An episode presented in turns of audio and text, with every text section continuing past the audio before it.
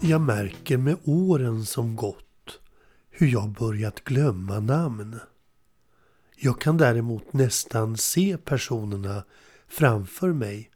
Men namnet det gömmer sig långt inne i min biologiska hårddisk.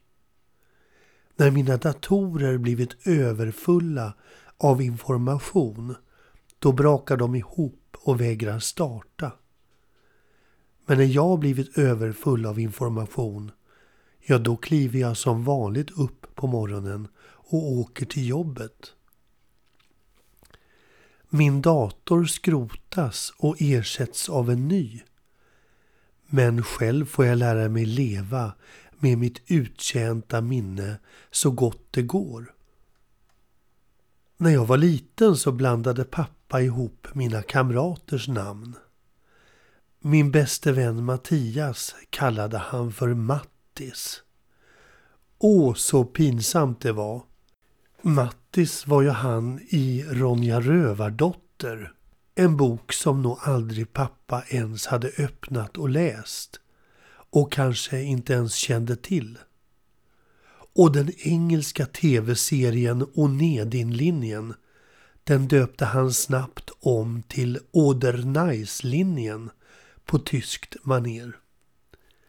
Min far läste inga böcker direkt. Seriemagasinet och Agent X9 var hans älsklingslektyr. Och när mamma en gång bad honom dammsuga på undervåningen i villan så kom hon på honom efter en stund. Med dammsugan påslagen hade han krypit upp i sängen och låg och läste sina älskade serietidningar. Tyvärr så hade han somnat ifrån och märkte inte att mamma smög ner för trapporna för att kontrollera om han dammsög eller inte. Detta måste ha pågått under många år och mamma kände sig nog grundlurad i äktenskapet. Men det kan å andra sidan inte ha varit lätt att ha en fru som led av städnoja.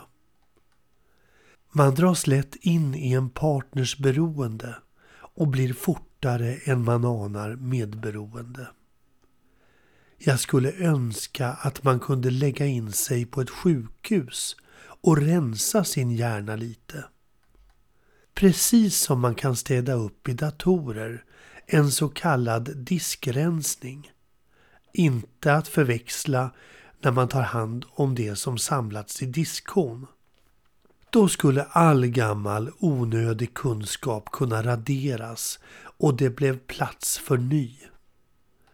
I framtiden ska man tydligen kunna bli uppemot tusen år gammal, hörde jag häromdagen i en annan kanal på radion. Minnet och annat skulle då laddas över till en digital hjärna som kunde kommunicera med andra människor. Men precis som de eleganta damerna i dokusåporna som tröttnat på sina smala och tunna läppar och som har börjat injicera botox och numera syns likna medborgare från Ankeborg så tror jag inte att mikroprocessorer i hjärnan skulle vara särskilt smart eller sexigt.